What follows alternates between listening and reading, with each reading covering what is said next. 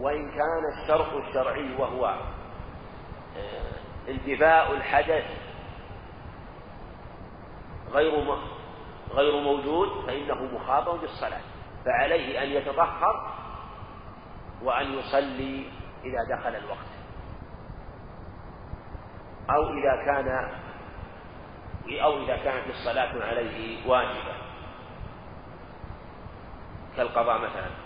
فالكفار مخاطبون بالفروع عند جماهير أهل العلم كالإيمان بإجماع أهل العلم. فالكفار مخاطبون بالفروع.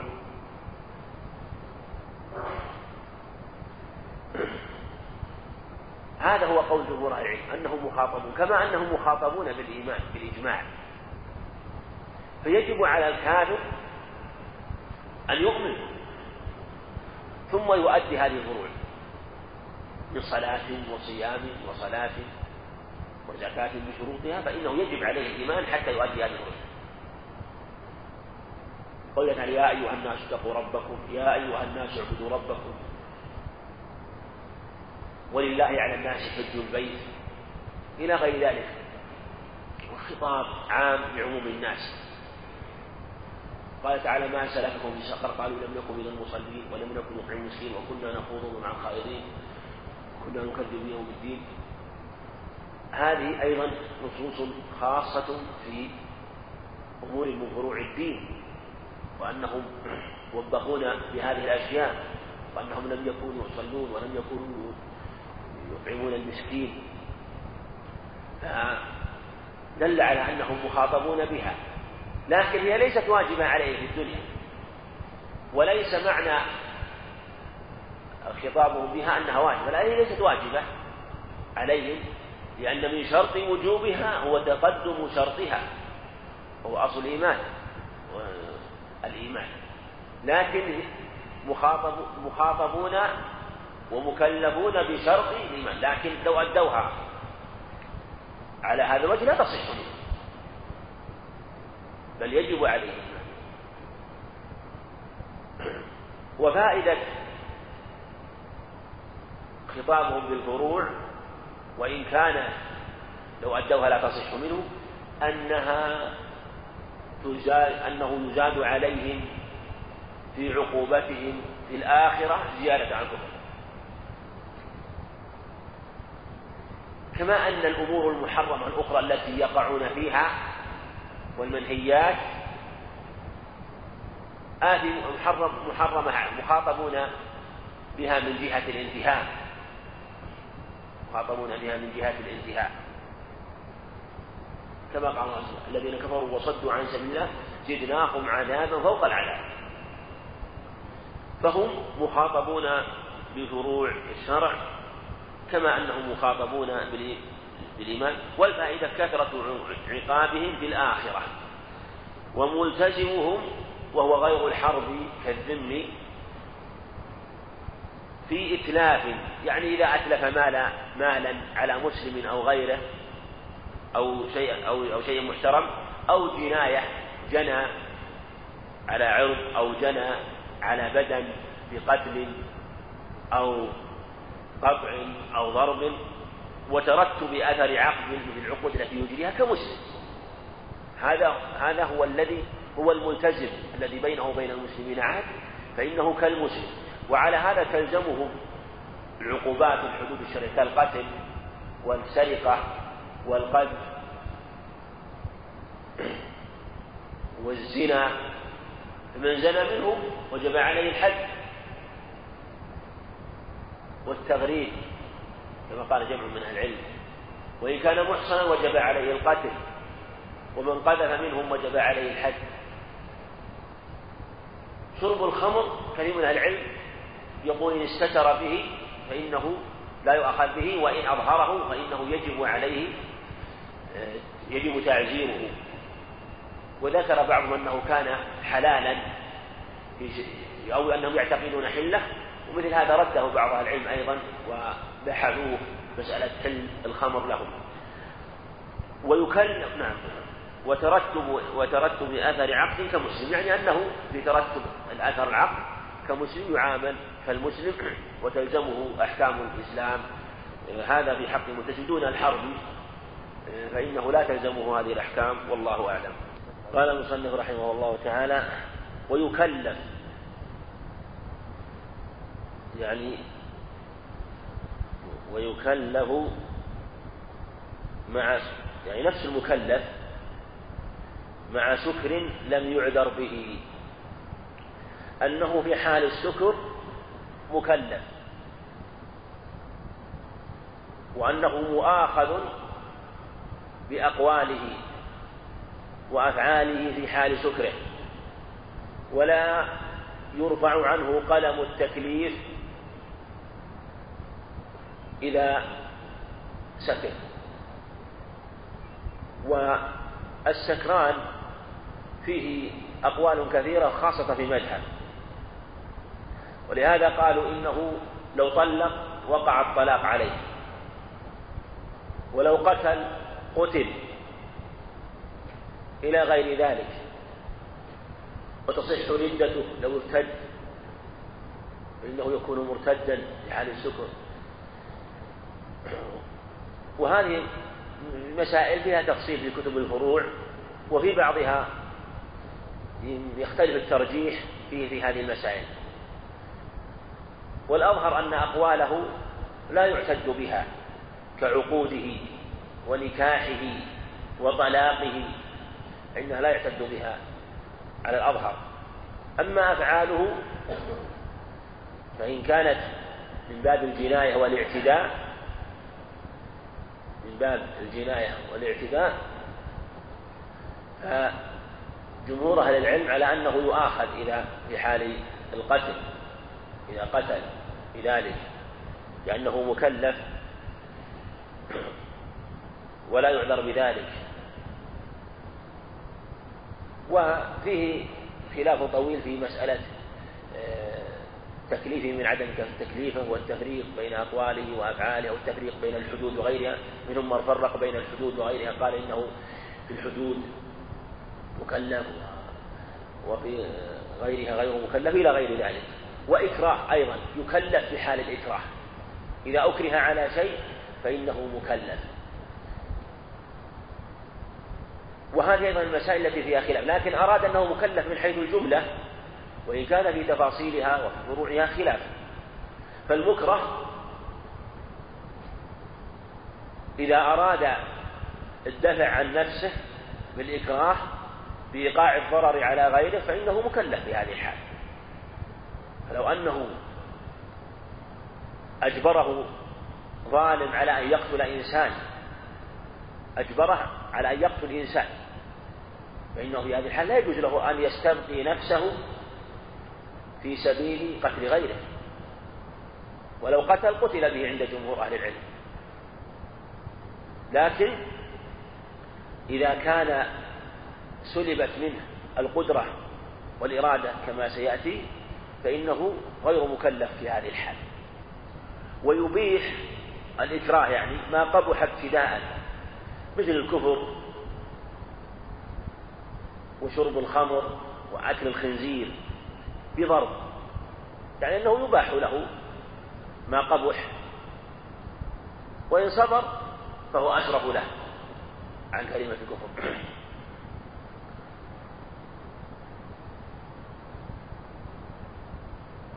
في حال الضرب. لقولها إلا من أكره وقلبه مطمئن بالإيمان. لكن يقول, يقول أهل العلم إنه إذا صبر عن في هذه الحال كان خيرا له وأشرف له ولهذا كان خبيب أشرف وأعلى عند أهل عند الصحابة وعند المسلمين عمار رضي الله عنهم وإن كان الجميع على خير. وله أن يأخذ بالرخصة. ولكن ربما كان الأخذ بالرخصة أحيانا إذا كان فيه يعني تركها لأجل مصلحة تترتب عليه على تترتب لغيره. وربما روعي هذا الأمر وكان الأجر في هذا الجانب أكثر لأجل ما راعى من المصلحة في استبقاء نفسه أو لأجل دفع الشر عن غيره. إذا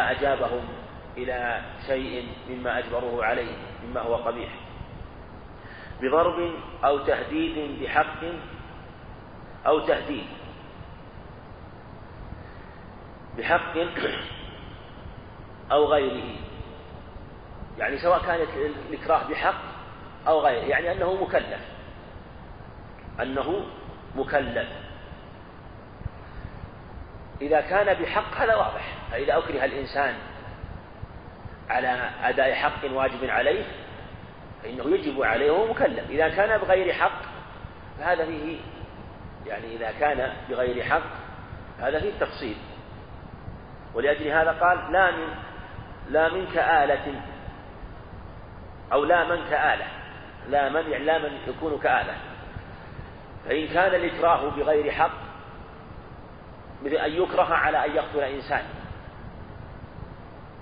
هذا إكراه بغير حق حرام ولا يجوز. لكن نقول وإن كان إكراها بغير حق لا يجوز لك أن تقتل هذا الإنسان في سبيل استبقاء نفسك. يجب عليك أن تصبر ولا يجوز لك ذلك. لذا قال كثير من العلم انه لو قتله قتل به. يعني يعني قتل به. هذا وهذا الآمر والقاتل. لكنه يقتل به لكونه آه، دفع عن نفسه بقتل غيره. لا من كآلة بحمل. فمن كان كالآلة يعني أنه صار كالآلة مع عدم التصرف مثل حمل. على إنسان ورمي عليه حتى قتله. هذا كآلة لا شيء عليه ولا قصاص عليه. أو أمسك وربط حتى أجبر على شرب المحرم وأكل المحرم. فهذا أيضا حكمه حكم من؟ آه، رمي من شاهق على إنسان فقتله. أو عذر بسكر أو عذر بسكر. من كان أيضا عذر بسكر فإنه أيضا آه، يكون حكمه حكم من يكون كالآلة. فإذا أجبر الإنسان على شرب المسكر أمسك و آه، المسكر فيه وسكر. نقول غير مكلف. غير مكلف. ولا عبرة بأقوال حتى على المذهب أيضا الذين يعني يوقعون عليه الطلاق إذا كان معذورا بذلك فإنه لا عبرة بأقواله لأنه معذور بذلك. لا من؟ يعني أنه غير مكلف. نعم. كذلك إذا كان إكراه بضرب أو نحوه. له له أن يستخدم يعني أن يجيب أو عذر بسكر وأكل بنج. وأكل بنج. أكل البنج فيه تفصيل. إن كان معذورا بأكله السكر ما فيه. السكر حرام على كل حال.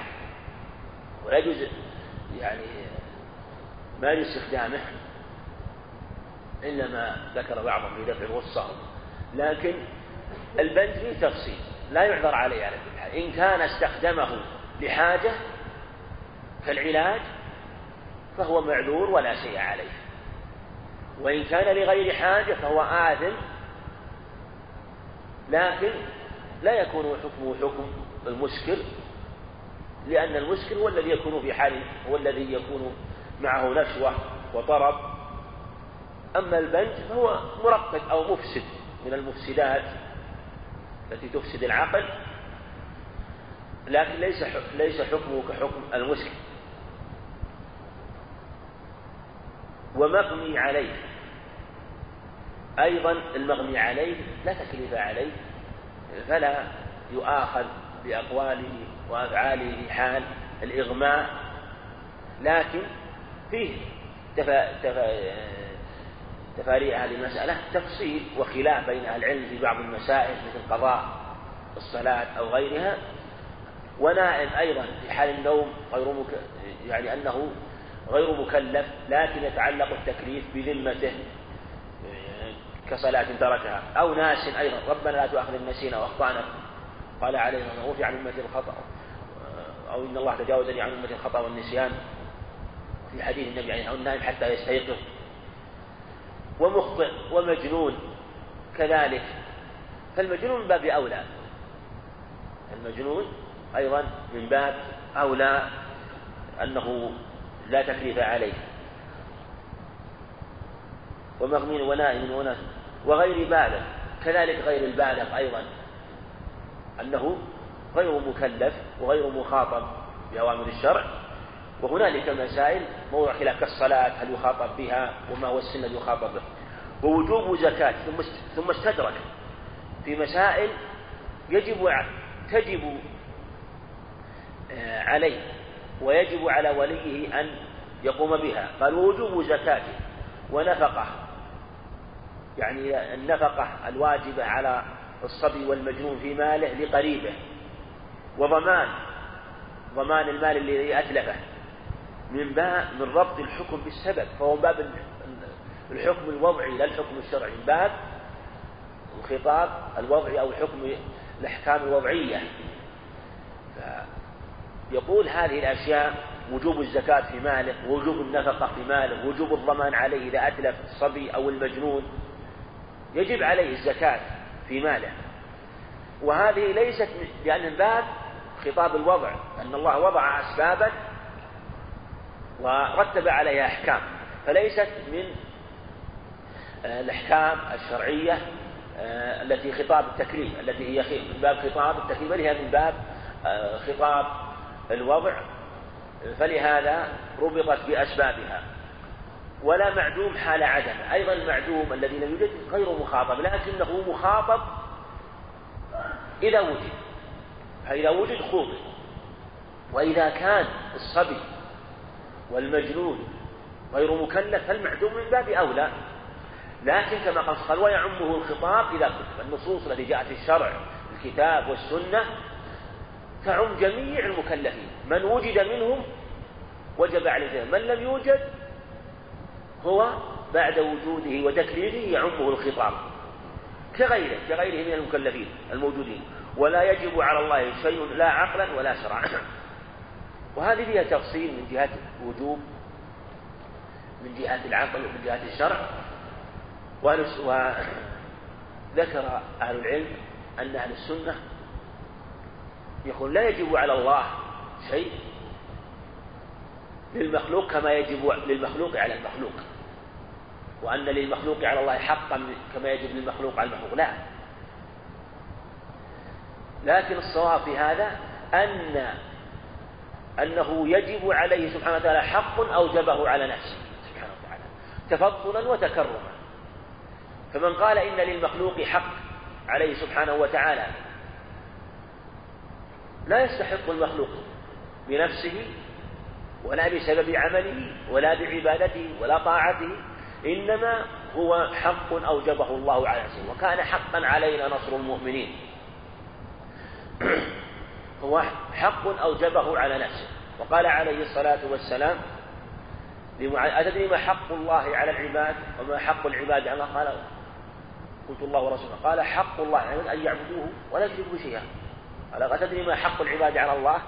قال قلت الله ورسوله. قال ألا يعذبهم. يعني يعني أنه إذا إذا عبدوه ألا يعذبهم. وهم يعبدونه سبحانه وتعالى لو لا شريك فحقهم عليه ألا يعذبهم. فهذا حق أوجبه على نفسه. وقال عليه الصلاة والسلام إن إني حرمت الظلم على نفسي وجعلته بينكم محرما فلا تظالموا. حرم الظلم على نفسه سبحانه وتعالى. فهذا حق أوجبه على نفسه سبحانه وتعالى لم يوجبه أحد عليه ولا يجب فداء بل هو في إيجابه سبحانه وتعالى. فمن قال إن إنه واقع إنه واقع والله لا يخلف وعده سبحانه وتعالى بحكم أنه أخبر أنه حق فهو صحيح وكل ما يكون بفضله سبحانه وتعالى. وبكرمه الله سبحانه وتعالى يفرح بتوبة العبد. فرح عظيم. مع أن توبتك مع أن توبة العبد العاصي بتوفيق الله وتيسيره. لو لو لم يوفق يوفقك للتوبة لم تقع. كل شيء واقع بتقديره سبحانه وتعالى وبأمره. فهو الذي وفقك وألهمك للتوبة وهو الذي فرح بها سبحانه وتعالى. فمن قال إنه بهذا المعنى وأراد أنه حق أو جمع نفسه فإنه معنى صحيح كما ذكره أهل العلم. تنبيه الأدلة يعني التي تستنبط من الأحكام الكتاب وهو الأصل وإليه يرجع كل شيء. هو الأصل وهذا سيأتي كلام مصنف عليه وتفصيل الكلام عليه. والسنة وهي مخبرة عن حكم الله تعالى طريق الرسول عليه الصلاة والسلام والإجماع. وهذه كلها ستأتي وهذه الأدلة الثلاثة هي التي أجمع العلماء عليها الكتاب والسنة. هذه محل إجماع من أهل العلم. وهو مستند يعني إجماع إليهما فلا إجماع إلا بنص أو لا إجماع أو لا إجماع أحسن إلا بدليل. لا إجماع إلا بدليل سواء كان نصا أو ظاهرا أو استنباطا. يعني كما سيأتينا من الصحيح يجوز أن يكون مستند الإجماع استنباطا. يعني لا يلزم أن يكون مستنده دليلا لا نص ولا ظاهر. الظاهر ظاهر وكذلك يجوز أن يكون مستنده استنباطا من دليل آه، واضح واستنباطه واضح. والقياس وهو مستنبط من الثلاثة القياس مأخوذ من هذه الثلاثة وسيأتي أيضا وأن فيه تفصيل وهنالك شيء من القياس مما هو مقطوع به ولهذا قال بعض العلم إنه في حكم النص كما سيأتي إن شاء الله والله أعلم. دليل دليل ولاجل هذا يخص به العموم. دليل من ادله مستقل. نعم.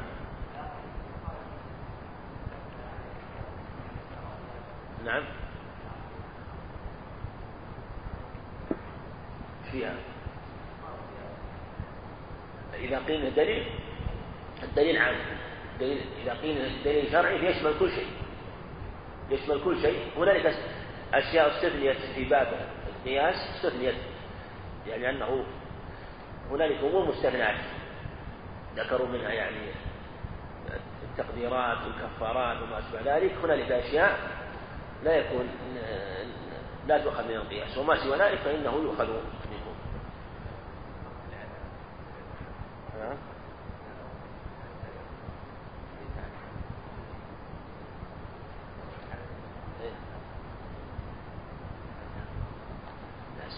السرقة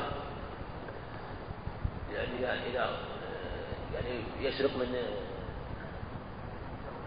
من الغير يعني هذا سيأتي في مسألة الحدود والحدود في خلاف مسألة الحدود والحدود.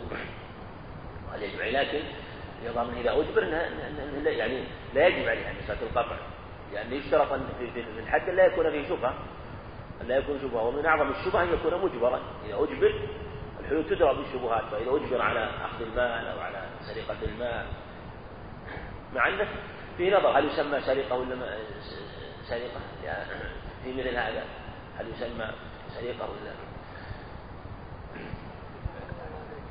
نعم. مسألة الإثم في نظر. مسألة الإثم في نظر.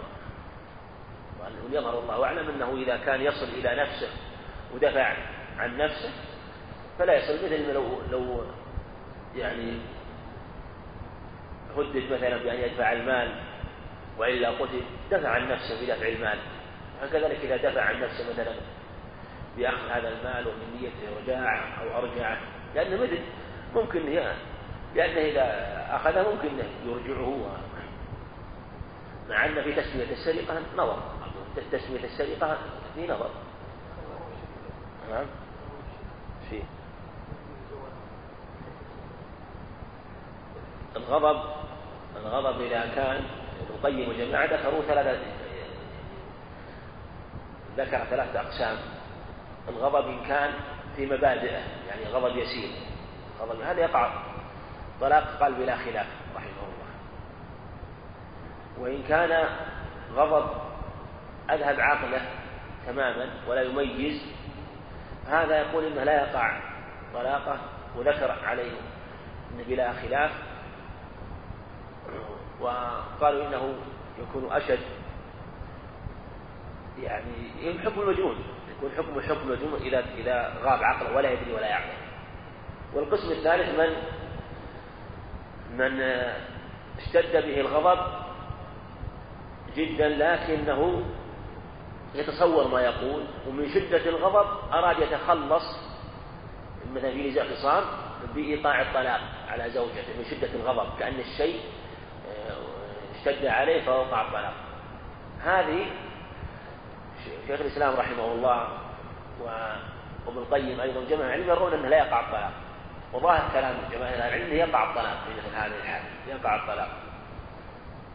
وهو يقول ويستدل القيم رحمه الله بأنه بقوله عليه الصلاة عائشة لا طلاق في إغلاق. قال الإغلاق هو من غلق عليه أمره.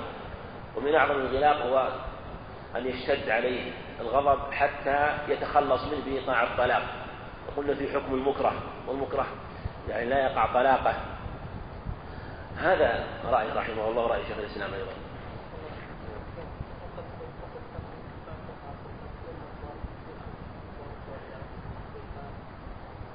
لا حتى حتى بالضرب والتهديد. لكن في القتل إذا اقتلوا إلا قتلناك. اقتلوا إلا قتلناك يعني هذا هذا هذا ما يجوز حتى ولو قتلوا لكن التهديد يقع. صحيح إن إن إن, إن يكتفى بالضرب أو التهديد ممن يفعل. ممن يفعل. يشترط التهديد أن يكون ممن يفعل.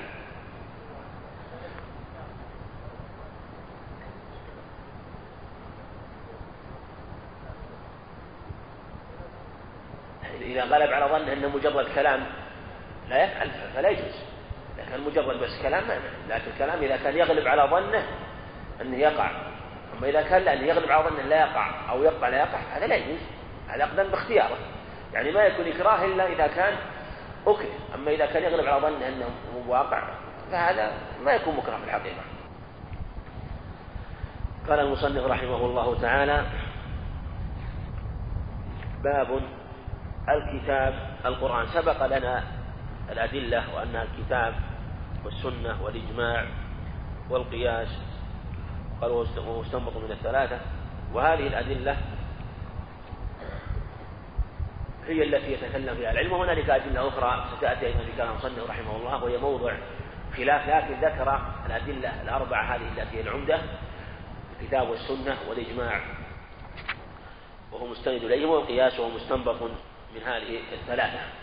ثم بدأ بالكتاب. الكتاب هو القرآن. كتاب جنس يشمل القرآن وغيره لكنه صار عند الإطلاق علم على كتاب الله عز وجل.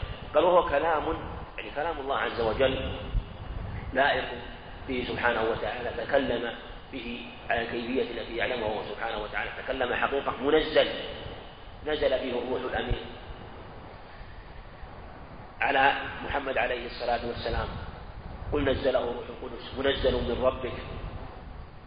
على محمد صلى الله عليه وسلم معجز بنفسه. القرآن معجز بألفاظه وبمعانيه وبما فيه من المعاني. يعني وقد تكلم علماء البلاغة على هذا وتكلم أهل العلم في القرآن وإعجاز القرآن وأساليبه وذكروا كلاما عظيما في هذا. وهو معجز بنفسه.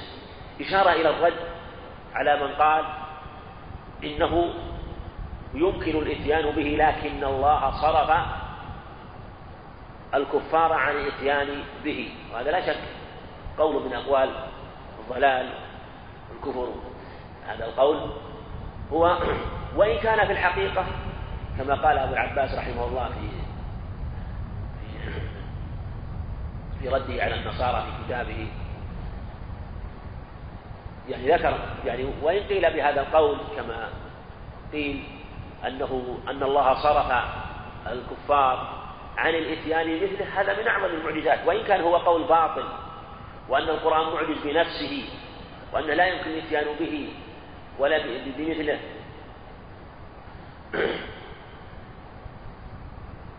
يعني وإن قيل بالسرة كما كما قيل يعني أن إنسان يأتي ويقول هذا الكتاب يتحداهم أن يأتوا بمثله وهم قادرون على الإتيان بمثله وفيهم من هو يعني يأتيهم يقول بكتاب وفيهم من أناس كثير يقدرون على الإتيان بمثله ويقول إنكم لن تأتوا بمثله وأنا أستبيح نساءكم وأموالكم ودماءكم ولا تستطيعوا أن تأتوا بمثله. ويقيم على هذا ويدعو على هذا لا شك ويصرفون عن هذا ولا يستطيعون أن يتحدوا ولا أن يأتوا مثله مع قدرتهم على ذلك لكن الله صرفهم عن ذلك هو من أعظم المعجزات. لكن مع هذا هو قول باطل. ولا يؤتى مثله. قل لئن اجتمعت الإنس والجن على أن يأتوا لا يأتون مثله ولو كان بعضهم لبعض ظاهرا أم يقولون ترى قل اشتريته فأتوا بعشر سور مثله مفتريات وفي الآية الأخرى فأتوا بسورة من مثله فأتوا بسورة من مثله. فليأتوا بحديث مثله إن كانوا صادقين. فالله عز وجل تحداهم أن يأتوا بمثل القرآن وبعشر سور مثله أو بسورة منه. بل تحداهم بأن يأتوا بحديث مثله وإن كان وإن كان أقل من سورة. أن يأتوا بحديث مثله إن كانوا صادقين. فهو معجز بنفسه. متعبد بتلاوته تعبد الله عز وجل بتلاوته سبحانه وتعالى. فالقرآن يتلى ويتعبد بتلاوته في الصلاة وخارج الصلاة. يخرج بذلك ما نسخ لفظه وإن بقي حكمه. هو غير متعبد بتلاوته. فإنه لا يكون متعبد بتلاوته قال والكلام حقيقة يعني عند التبادر الكلام يتبادر حقيقة والمتبادر إلى الأذهان. الأصوات والحروف هذا هو الكلام. إذا قيل هذا كلام فلان يعني أنه تكلم به بحرف وصوت. قيل هذا كلام النبي عليه الصلاة والسلام حديث النبي وتكلم به يتكلم به بحرف وصوت. وهذه القصيدة لفلان وقالها فلان وتكلم بها تكلم بها بحرف وصوت وقال هذه الخطبة يعني يتكلم بها بحرف وصوت وهكذا. هو الأصوات والحروف. فلان يتكلم هو الصوت. لا يكون كلام إلا بصوت وحرف. وإن سمي به المعنى النفسي يعني وعلى تسليم أن يسمى به المعنى النفسي فإنه ليس منحصرا فيه. بل هو الحرف لا يكون إلا بحرف وصوت. لهذا إشارة إلى من يقول بالكلام النفسي ويثبته في حق الله عز وجل ومعلوم. كلام أهل السنة في هذا وإثبات كلام الله عز وجل على الوجه لا يصلح أنه يتكلم بحرف وصوت خلافا للأشاعرة وأمثالهم. والمعنى النفسي هو هو القائم بالنفس.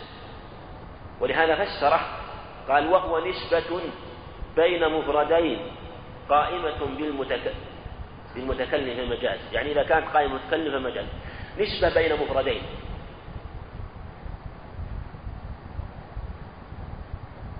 هذه هو المعنى. إذا إذا قيل كلام نفسي ما هو الكلام النفسي؟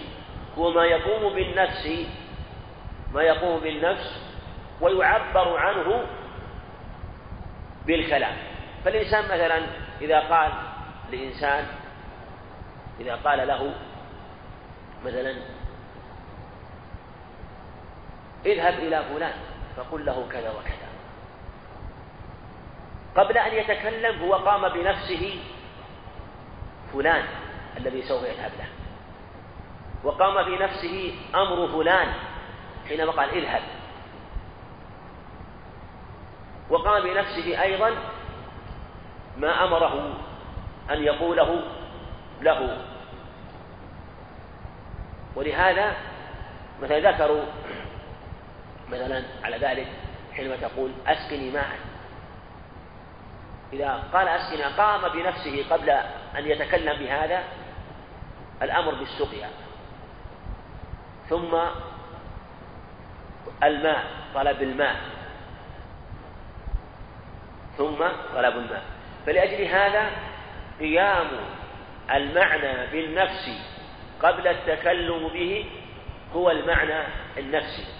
وهو تهيئة النفس بهذا الطلب أو بهذا الكلام قبل أن يتكلم. مثل قول عمر زورت في نفسي. اللي قال في نفسه كلاما وهيأه ورتبه في نفسه.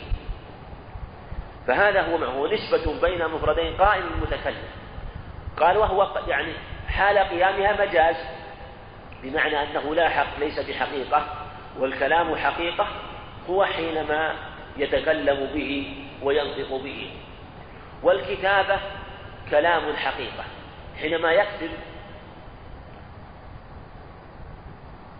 حينما يكتب كلاما بالمداد هذا هو كلام الحقيقة وإن كان مكتوبا. يقال هذا ال هذا ال هذا ال هذا ال هذه الكتاب مثلا هذا الكتاب المؤلف هو كلام فلان حقيقة. هو كلام فلان حقيقة. وهذا الكتاب المؤلف هو كلام حقيقة وهذه الرسالة هي كلام فلان حقيقة. هي كلام حقيقة. فعلى هذا الله سبحانه وتعالى يعني ما بين دفتي المصحف هو كلام الله عز وجل. وكلام والقرآن وكلامه سبحانه والقرآن هو كلام الله عز وجل حيثما كان. إن تكلم به المتكلم فيقال تكلم بكلامه إن قرأه قال يقال قرأ كلام الله إن كتبه يقال كتب كلام الله. وهكذا. لكن نفس المداد ونفس الم... ما ما يكتب به هذا لا شك أنه من المداد الذي كتبه وهي أشياء يعني من فعل الإنسان وكتب كلام الله عز وجل بهذا الشيء. وباضطرار معروف أن المداد نفسه ليس كلام يعني ليس هو الكلام الذي يتصل الذي هو صفة كلامه إنما أنت كتبت بالمداد كلام الله. ولهذا إذا كتبته يقال هذا كلام الله. حينما مثل حينما يتكلم إنسان بكلمة وتكتب يقال هذا كلام فلان. هذا كلام فلان وهذه خطبة فلان وما أشبه ذلك. قال ولم يزل الله متكلما. كيف شاء وإذا شاء بلا كيف وهذا هو قول أهل السنة أنه سبحانه وتعالى يعني لم يزل متكلما يعني أن المراد قدم يعني أنه قديم النوع سبحانه أن كلامه قديم من جهة أنه يتكلم سبحانه وتعالى وكلامه قديم النوع متجدد. الآحاد كيف شاء على الصفة التي يريد سبحانه وتعالى وإذا شاء في الوقت الذي يريد فهو تكلم سبحانه وتعالى وسوف يتكلم يوم القيامة إذا شاء. بلا كيف لأن صفة الكلام بلا كيف كبقية الصفات الأخرى. يأمر بما يشاء ويحكم بما يشاء وهذا من كلامه سبحانه وتعالى. وفي بعض آية إعجاز وهذا هو الصواب. وفي بعض آية إعجاز. وقيد هذا بعض أهل العلم قالوا إنه اشترط أن تكون الآية مما يكون مما يكون بعضها فيه إعجاز.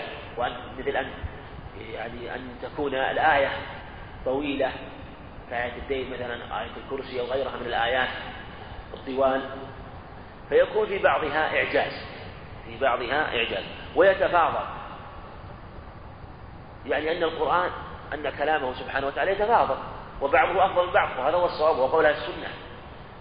والكلام له نسبتان نسبة إلى المتكلم ونسبة إلى المتكلم به. فهو فهو من جهة المتكلم هو الله عز وجل كلامه سبحانه وتعالى هو الذي يتكلم به. من جهة المتكلم به ينقسم إلى خبر وإنشاء. فكلامه خبر وإنشاء. فهو سبحانه وتعالى من كلامه ما يخبر به عن نفسه ومن كلامه ما يخبر به عن أعدائه مثل مثل مثل أبي لهب ومثل فرعون ومثل إبليس.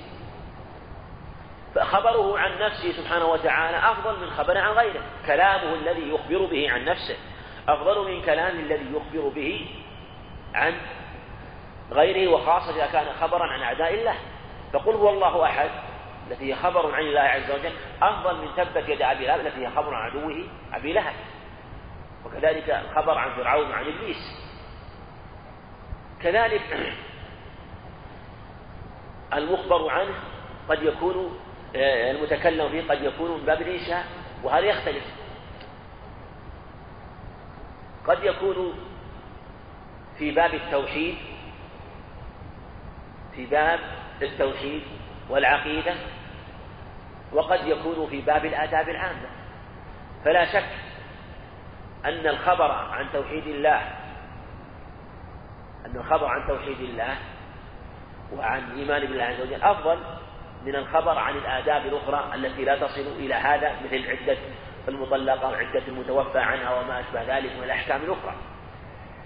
فهذه الأمور يتفاضل تتفاضل من جهة المتكلم فيه والمتكلم هو الله سبحانه وتعالى. وجوابه يتفاضل أيضا لأنه إذا الكلام المتعلق بتوحيد الله وأسمائه وصفاته وتلاوة هذه الكلمات أفضل من الكلام الذي في غير ذلك. ولهذا أخبر عليه السلام أن قل الله تعديل القرآن وجعلها أفضل من غيرها لأنها محضت الخبر عن الله عز وجل سبحانه وتعالى.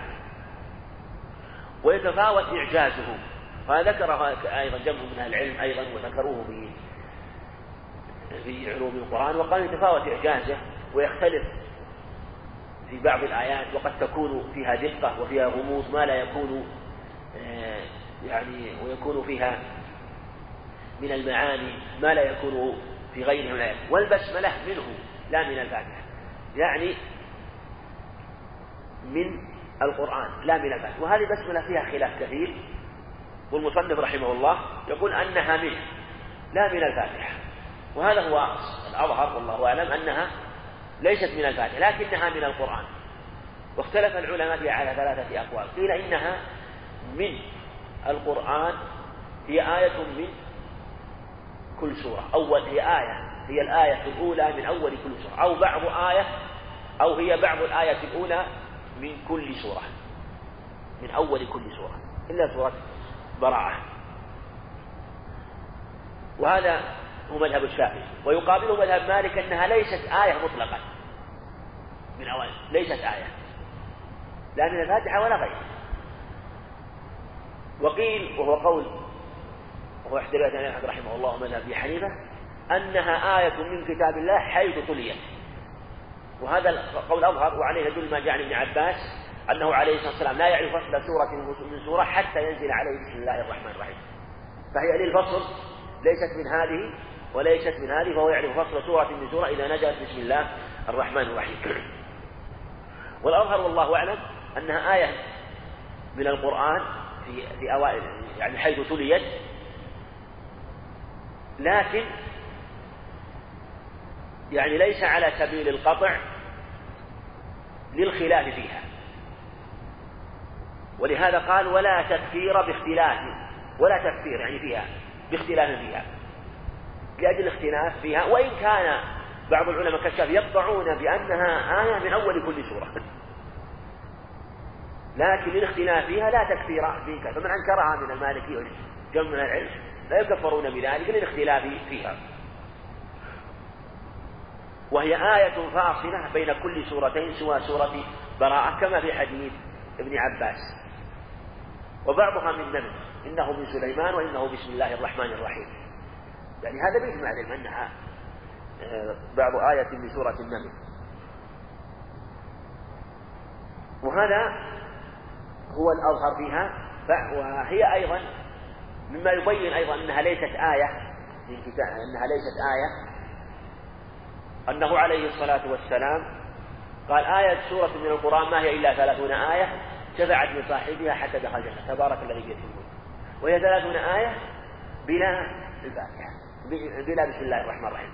فدل على أن بسم الله الرحمن الرحيم ليست من السورة. وليست الآية الأولى من السورة ولا بعض الآية الأولى. وأيضا ما ثبت في صحيح مسلم وهذا حديث جيد حديثه سورة من القرآن ما هي إلا ثلاثون آية. وكذلك حديث أبي هريرة صحيح مسلم أنه عليه الصلاة والسلام قال قسمت الصلاة بيني وبين عبدي نصفين فنصفها لي ونصفها لعبدي ولعبدي ما سأل إذا قال عبد الحمد لله رب العالمين. قال الله حمدني عبدي. وإذا قال الرحمن الرحيم قال الله أثنى علي عبدي. وإذا قال مالك يوم الدين قال الله مجدني من عبدي وإذا قال إياك نعبد وإياك نستعين قال هذا بيني وبين عبدي ما سأل وإذا قال اهدنا الصراط المستقيم صراط الذين أنعمت عليهم غير المغضوب عليهم ولا الضالين قال هؤلاء لعبدي ولعبدي ما سأل. ولم يذكر بسم الله الرحمن الرحيم. ومن ذكرها في بعض الروايات مثل ما جاء في بعض الروايات فهي لا تصح. لا تصح فعلى هذا الصواب أنها ليست يعني آية تعد من أول كل سورة آية هي الآية الأولى بل هي آية الفصل ولهذا جاء في أكثر الأحاديث آه، في كثير منها بلا بسم الله الرحمن الرحيم. وثبت في صحيح مسلم أنه أغفى إغفاء عن أنس رضي الله عنه أنه أغفى إغفاء عليه الصلاة والسلام فنزلت عليه سورة الكوثر فقرأ بسم الله الرحمن الرحيم إنا أعطيناك الكوثر فدل على أنه ربما نزلت للفصل أحيانا آه، فكما جاء في هذا الحديث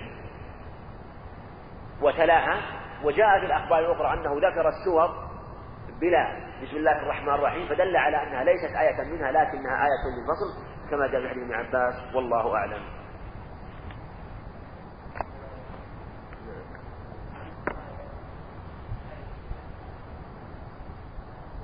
نعم. يعني ما لها مكان ما لها موضع. يعني ليس لها موضع محدد كما قال الشافعي إنها آية من أول كل سورة. فإذا قرأ إنسان بسم الله الرحمن الرحيم وافتتح السورة هذه نقول آية في هذا الموضع.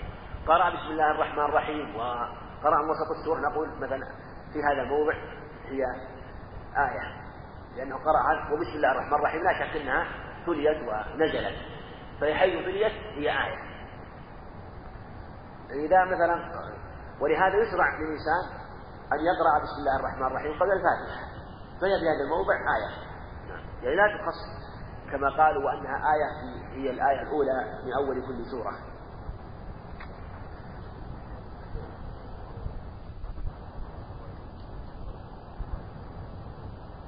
إيه؟ يعني أنه قائم بنفسه يعني نسبة يعني يعني نسبة هي الإسناد.